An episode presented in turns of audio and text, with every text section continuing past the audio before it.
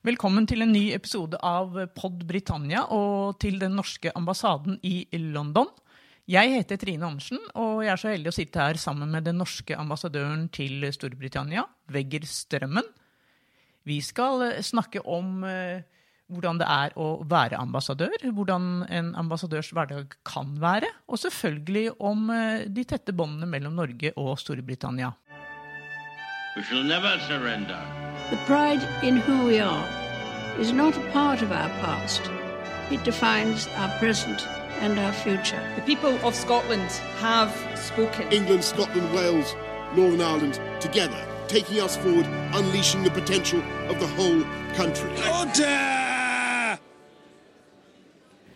Jeg tenkte vi skulle begynne med å presentere deg. Strømmen, du har altså vært eh, ambassadør her i London siden 2019, men har en lang karriere bak deg i Utenriksdepartementet.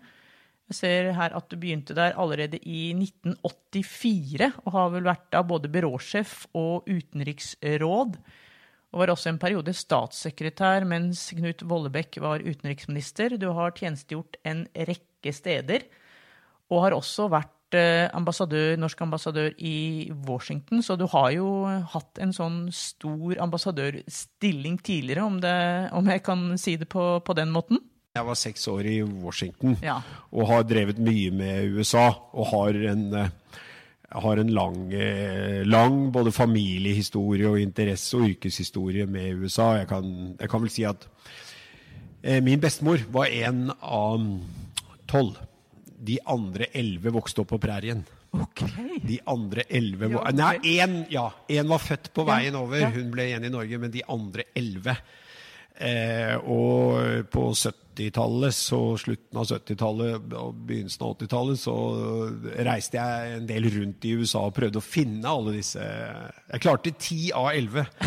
Jeg, jeg klarte ti av elleve for å finne det. Så og de var, en, en del var i Canada, og, noen, og en del var i USA. Men det var utover prærien alle sammen, så du kan si at eh, det, USA har vært liksom en sånn helt spesielt Men er det de amerikanske anene som gjør at du har fått det fornavnet du har fått også, eller? Nei, på ingen måte. Nei, for jeg så det var bare fem i Norge. Jeg googla det. Ja, det er det er fem visst i bare fem i Norge. Ja. Nei, det er altså en det, er, det tok litt tid før vi fant ut Det har gått i familien i alle, alle år og Ja. heter Vegger.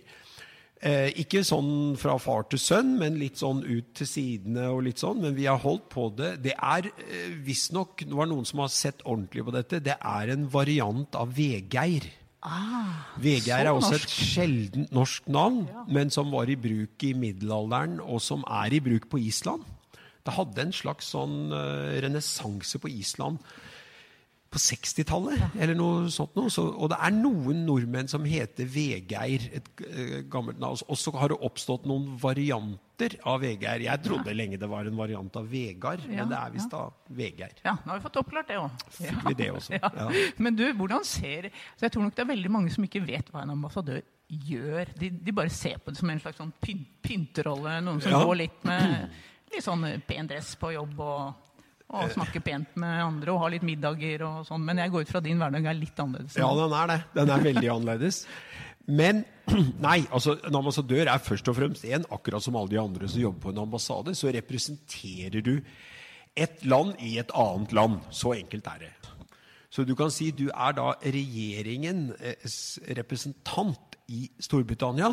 Sånn at man kan, måtte britiske myndigheter kan alltid komme til norske diplomater i Storbritannia, og motsatt til norske myndigheter kan alltid henvende seg til britiske representanter i, i, i Oslo for å ha en formell kontakt. Og, eh, så det er forskjellen på en måte på oss og alle andre, at du er utsendt. Det betyr at du er en form for gjest i dette landet. Altså Vi er gjester her. altså eh, De andre, alle som jobber her. Vi er her fordi britene har liksom sagt at eh, det er bra. Men vi er ikke her med noen form for arbeidstillatelse eller, hva, eller, eller eh, som alle andre ville være. Vi her er fordi vi er på en måte invitert hit. Og når jobben er ferdig, så er oppholdet ferdig. Dette er ikke del av en sånn eh, oppbygging av skal du si, eh, boligtid i Storbritannia, eller noe som kan gi visum etc. Vi er eh, veldig offisielle gjester, og det varer så lenge det varer. Og når det er slutt, så er det slutt. Men, men det å bedre forholdene Nå har jo vi i Norge og Storbritannia lange lange og gode forhold. Det er jo ikke noe, noe problemer sånn sett. Men det, brexit endret jo en del. Det var jo mye som måtte endres pga. brexit. Er det noe som er kommet i land, eller er det fremdeles en del som gjenstår etter det? Ja, altså jeg skal være litt forsiktig med hva jeg sier. Men hovedproblemet her var jo det at Storbritannia, eller hovedutfordringen var jo at Storbritannia ikke bare gikk ut av EU, de gikk også ut av EØS. Og det var det at ut av EØS, det var for så vidt da vår jobb. Og så måtte vi se hvor mye av det vi kunne videreføre. Og det kunne vi jo bare gjøre ved å være enige med Storbritannia om at det var nyttig å videreføre. Og mange ting er videreført eller ordnet opp i, på en måte i kjølvannet av, av, av brexit på en måte som jeg tror egentlig var relativt grei.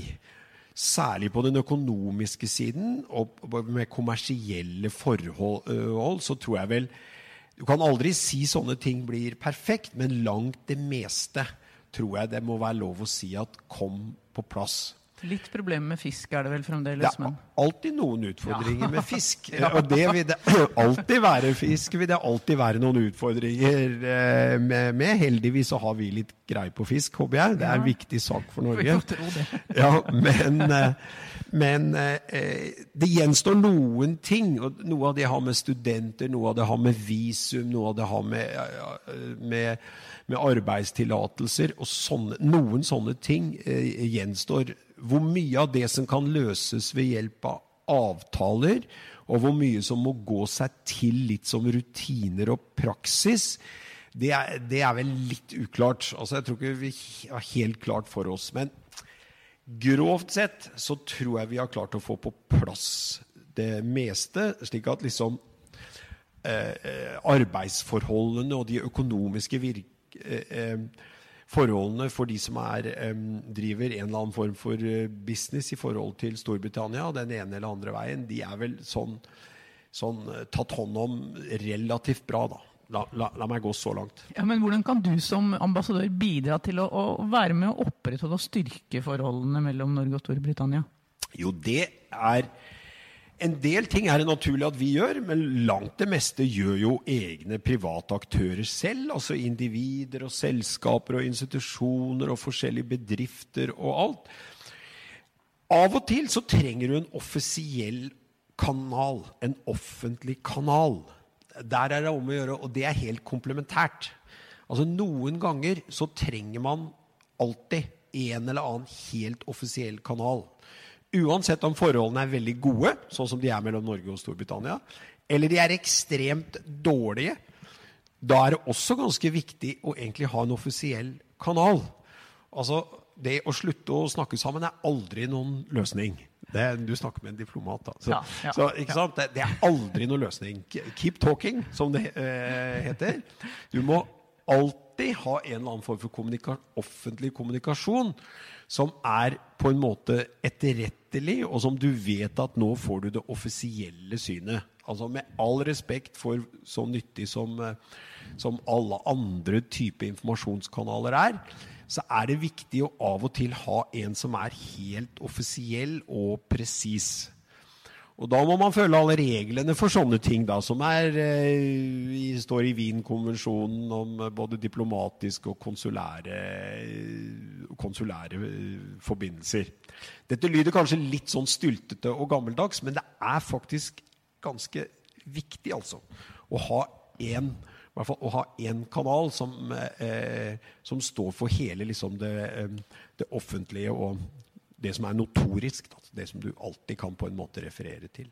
Ja, Nå sitter jo vi her i, i den norske ambassaden i Belgravia. og Litt lenger opp her så er jo residensen der du, der du bor, og der du mm. har eh, representasjon og middager mm. og sånn rundt dette mm. flotte bordet som jo sto der vel i mm. Som det var statsråder under krigen. og, ja, ja, ja. og, og og sånt, som jeg har hatt gleden av å sitte ved. Og det er jo faktisk ja. en veldig det er, det er en, god, en historisk god følelse å sitte og tenke på hva som har skjedd rundt det bordet. Men, men hvor viktig er det for deg, og hvor viktig tror du det er å ha den type representasjon, middager med, med ulike folk fra ulike samfunnslag? Jeg går fra Det er ikke bare de helt der oppe som får lov å sitte rundt det bordet? Nei, nei, nei. Vi prøver å bruke Altså, residensen i London er veldig spesiell. eh, Det er jo et krigsmonument, på en måte. Det er et minnesmerke over krigen. Det er det det er. Det er liksom der hvor regjeringen var i eksil, hvor kong Haakon hadde liksom sitt, eh, eh, sitt hovedkvarter, hvor regjeringen var, og den, eh, den møttes. Og det er mye mer. Det er en blanding av et museum og en utstillingslokal og en foredragssal og alt mulig. Vi prøver å bruke det til alle mulige eh, typer type arrangementer da, innenfor de regler som eh, innenfor de regler som fredningen av bygg og sånn på en måte setter. Men først og fremst er det jo, sånn som du sier, det, liksom det historiske. Derfor er det utrolig mange mennesker som ønsker å komme dit. Om ikke noe annet så bare for å se hvor liksom Norge ble styrt fra under, under krigen. Og dette statsrådsbordet som uh, står der, som vi prøver å ta, ta vare på. Eh, det, er, eh, ja, det er rart å tenke på at eh, frigjøringen av Norge ble erklært ved det bordet, vel. Og at eh, selv om deler av Finnmark allerede var, eh, var, var frigjort eh, noen måneder eh, tidligere fra øst, så, så du kan si det er veldig spesielt. Det er ikke noen andre steder jeg tror Norge har en sånn bygning. Og da er det om å gjøre å klare å drive da, alt fra et vanlig sånn eh, lokale for representasjon til å drive et museum. Å- det, er masse, det er alt fra skoleklasser til alle mulige typer Vi bruker mye til kultur- og næringslivsarrangementer også. Det er eh, jeg tror, Og veldig mange briter assosierer jo selvfølgelig huset med, med, med Norge og egentlig med krigen. Men hvis, hvis nordmenn i, i London skulle trenge øyeblikkelig hjelp, så er det ikke dit de bør gå. Nei, Da må du komme hit, til ambassaden. Du kan, komme, du kan absolutt komme til ambassaden hvis du trenger sånn eh, Ikke, hvis du trenger øyeblikkelig medisinsk Nei, hjelp. det vil jeg tro kanskje ikke er Da tror jeg man må basere seg på Ja. NHS. Men hvis du har et, et konsulært problem, Ja. så er det vi som eh, Vi har en stor konsulær avdeling. Det er ganske mange nordmenn i London til Vi tror vel kanskje det bor en Tja, hva er det vi skal si, da? Jeg tror fort det er til enhver tid en 20 000 nordmenn eller noe sånt rundt her, altså. Men du, jeg, jeg eh, snakket med Gry Blekastad Almås, NRKs korrespondent her i går. og når, når hun hørte at jeg skulle treffe deg, så sa hun du må spørre han om Skottland, for det er han veldig, Ja. veldig opptatt av. Og, Ja, og, så da skal du gjerne få snakke litt om Skottland. da. Hvor, hvorfor?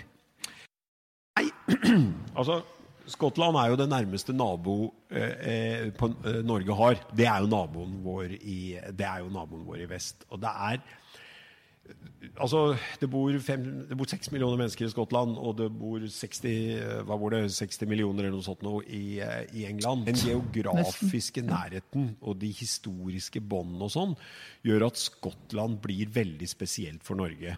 I tillegg til det så har du jo selvfølgelig all den økonomiske aktiviteten, da. særlig Nordsjøen selvfølgelig. Det tradisjonelle med alle fiskeriene. Og så har vi fått olje og gass eh, og, og etter hvert vindkraft og havvind eh, og, fornybarsektoren. Kommunikasjonskanaler, eh, kabel for elektrisitet. Så det er blitt veldig, veldig mange ting som kommer over Nordsjøen. Bare på en måte mer og mer. Nå er Skottland et utrolig interessant sted. fordi at 70, jeg tror nesten 80% av befolkningen bor jo i den der central corridor mellom Glasgow og Edinburgh. Og de bor egentlig veldig tett. Det er veldig urbane områder. Veldig tett. Mens det Skottland, som veldig mange nordmenn jeg tror assosierer, er der hvor vi elsker å kanskje mer å reise rundt. Altså oppe i The Highlands, og kanskje aller mest, det som jeg kanskje må innrømme er min store favoritt, det er å reise rundt på øyene. Og Shetland, Orknøyene og Hebridene, det er på en måte Der kjenner du igjen på en underlig måte Norge.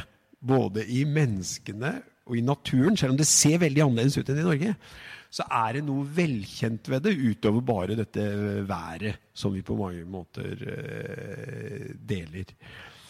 Det er, Noe av dette er helt åpenbart. Hvis du ser på Orknøy, flagget på Orknøyene, det er det norske flagget. Du bare bytter ut det hvite med det gule, som vel er skotsk gult. Så har du flagget. Det ligner veldig. Uh, Shetland gir seg selv med, med krigshistorien og Shetlandsbussen og, og, sånn. Og når du snakker med folk som bor i hvert fall på de nordlige øyene, da, Shetland og Orknøyene, også egentlig på fastlandet, eller uh, Aberdeen, særlig kanskje Aberdeenshire, områdene der, så er liksom tilknytningen mot Vestlandet, mot Vest- og Sørlandet, den er ekstremt sterk, altså. Særlig på øyene, men også rundt Aberdeen. er veldig. Og den er litt gjensidig. Den er litt gjensidig, altså. Det fins liksom skotske historier alle veier rundt, rundt kysten sånn i Norge. Jeg er fra Larvik, og der er det noe som heter Skottebrygga. Topp. Skottebrygga i Larvik. Kan, kan, hvem som helst som er fra Larvik, kan du spørre om de, liksom, Ja. hvor er Skottebrygga, eller hvem, hva, hva, hva er Skottebrygga? Så vil alle fortelle ja, det er der nede. Eh, Navnet er ikke helt tilfeldig. Jeg skal ikke ta hele historien, Nei, men det har noe med kollinasjer Ja, og ja, mye. Men, men vi har og Hvis du går Tenk på bare å ta en, en annen eh, En annen norsk by. Mandal. Mandal, ekstremt sterke bånd eh, til Skottland i en, en, lang historie. Og Kommer du rundt på Vestlandet, så er det selvfølgelig også da er det kortest vei og veldig, veldig sterke forbindelser. Altså Hvis du drar fra Mandal og lengst sør i Norge, rett vest, så kommer du jo inn, på, på, eh, inn, inn til Skottland. Altså, Skottland er ikke lenger sørover enn eh, de, de sydligste områdene av Norge. Så den geografiske nærheten er eh, kjempeviktig. Ja, og, for, ja, og for Shetland så er vel Bergen den nærmeste byen? Bergen er den nærmeste byen i hvert fall som har jernbanestasjon. Ja, ikke sant? Ja, jernbanestasjon. Så det er noe med den gjenkjenningen, og det er noe med den gjensidige liksom sånn, eh, gjensidige, ikke bare kulturelle tilknytningen, men leveforholdene og, og sånn på, ute på øyene. Og så ser det jo annerledes ut, da. Ja. Orknøyene er jo flatt, f.eks. Shetland er ikke flatt. Men Orknøyene er flatt. Men Shetland er treløst, i hvert fall. Nesten. Det er det. Det, er Det har jeg treløst. Det er veldig. Annerledes. Det er veldig annerledes Ja. enn Norge på, på en måte. Og samtidig er liksom så likt. og Kanskje er det menneskene. Så noen ganger lurer du Dette er jo en masse nordmenn som snakker engelsk og bor på noen flate øyer. Eh, Og har litt mer aksent som er lik vår også. Ja, på en måte. På en måte. Ja, jeg føler meg at jeg Ja, snakker da. litt bedre engelsk jeg, når jeg er på Shetland, enn jeg gjør her i London. Ja, aksangen, i hvert fall den østlandske aksenten, er litt, litt Ja. mer nær Shetland. Jeg vil også slå et slag for øyene i vest. Ja. Altså hebridene. Hebridene, ja. De er nok mindre kjent i Norge, og litt vanskeligere tilgjengelig, kanskje. Eh, Men eh, det er fantastisk tur, altså. Iona, hvis man er interessert i, eh, i eh, egentlig også norsk historie. Det ligger jo flere norske konger fra langt tilbake i tid. eh, også vel egentlig jarler av Orknøyene, som ligger begravet på, ved klosteret i, eh, på Iona. Det er, dit er et par ferger og litt eh, kjøreturer for å komme fram, men absolutt verst det. verdt det. Kanskje min aller største favoritt er Ytrehebridene. Da er det Newfoundland neste, altså. Ja. Da, er det, da er det bare Atlanterhavet eh, rett ut. Og det er ganske langt ut. Jeg tror fergen tok, tar vel tre timer nesten fra ja, fastlandet Ja. over Eller fra Indrehebridene eller fastlandet over til Ytrehebridene. Nå skal jeg ikke sette deg i gang med, med noe om skotsk uavhengighet og sånn, for jeg vet at du er ambassadør, og det har du kanskje Ja, ikke lov til å si noen ting om, så det, Det holder vi oss oss eh. Helt uh, unna, så uh, bare, bare så det er sagt. Men nå, nå skal vi avrunde her litt. Grann. Jeg ser tida, den har gått fort, den. Og det er jo hyggelig. vi, men- vi begynte å snakke om øyene i ja, da, da kan vi snakke lenge, men for å avrunde litt grann, altså, Du har nå vært her i Nå var jo du her da selvfølgelig under hele, hele covid-perioden, og sikkert en veldig spesiell periode, så den, den, den glemmer vi å bare legge bak oss. Men fra du kom og, og, og til nå, har du blitt mer begeistra for det britiske? Ja. Nå er jeg sånn skrudd sammen at jeg ofte blir mer begeistret for ting jo mer jeg liksom eh, får satt meg inn i det og levd meg inn i det. Covid var plundrete i den forstand at man ble sittende inne. Altså Man fikk lest mye, og jeg fikk tatt opp igjen pianospillingen min. Så det var liksom det, på den positive siden. Eh, Man fikk lest faktisk veldig mye. Det negative var jo at eh, sosiale og sånn ble og Man fikk ikke reist noe særlig liksom rundt. Så jeg har følt at jeg har hatt liksom litt dårlig tid mens jeg har eh, mens jeg har vært her. Men egentlig blir jeg mer glad i ting etter hvert som du virkelig får satt deg inn i det. Og for eksempel, Nå har vi snakket mye om Skottland og kanskje de fjerntliggende områdene i Skottland ganske mye. Du kan ta med The Highlands og sånn også. Jo mer du kan om det, jo mer fascinerende blir det på en måte. Og særlig liksom et norsk utgangspunkt. Så det å liksom lese litt og sette seg inn i ting på forhånd, og så blir det utrolig mye bedre når du møter de menneskene som bor der. Eh, og få sett litt hvordan det ser ut. Ja, det kan vi være helt enig i. Hvor lenge skal du være her, forresten? Nei, nå må det jo gå mot slutten. Jeg har snart vært i fire år, så til sommeren må det være slutt. Ok, men Jeg får i hvert fall ønske deg lykke til i de månedene Ja, som er igjen. Du, du får- nyte det. Vi får håpe at det blir stort sett så fint vær som det er her vi sitter i dag. Så Ja. takk skal du ha. Ja, bare hyggelig. Tusen takk. We shall never surrender. The pride in who we are is not a part of our past. It defines our present and our future. The people of Scotland have spoken. England, Scotland, Wales, Northern Ireland, together, taking us forward, unleashing the potential of the whole country. Order!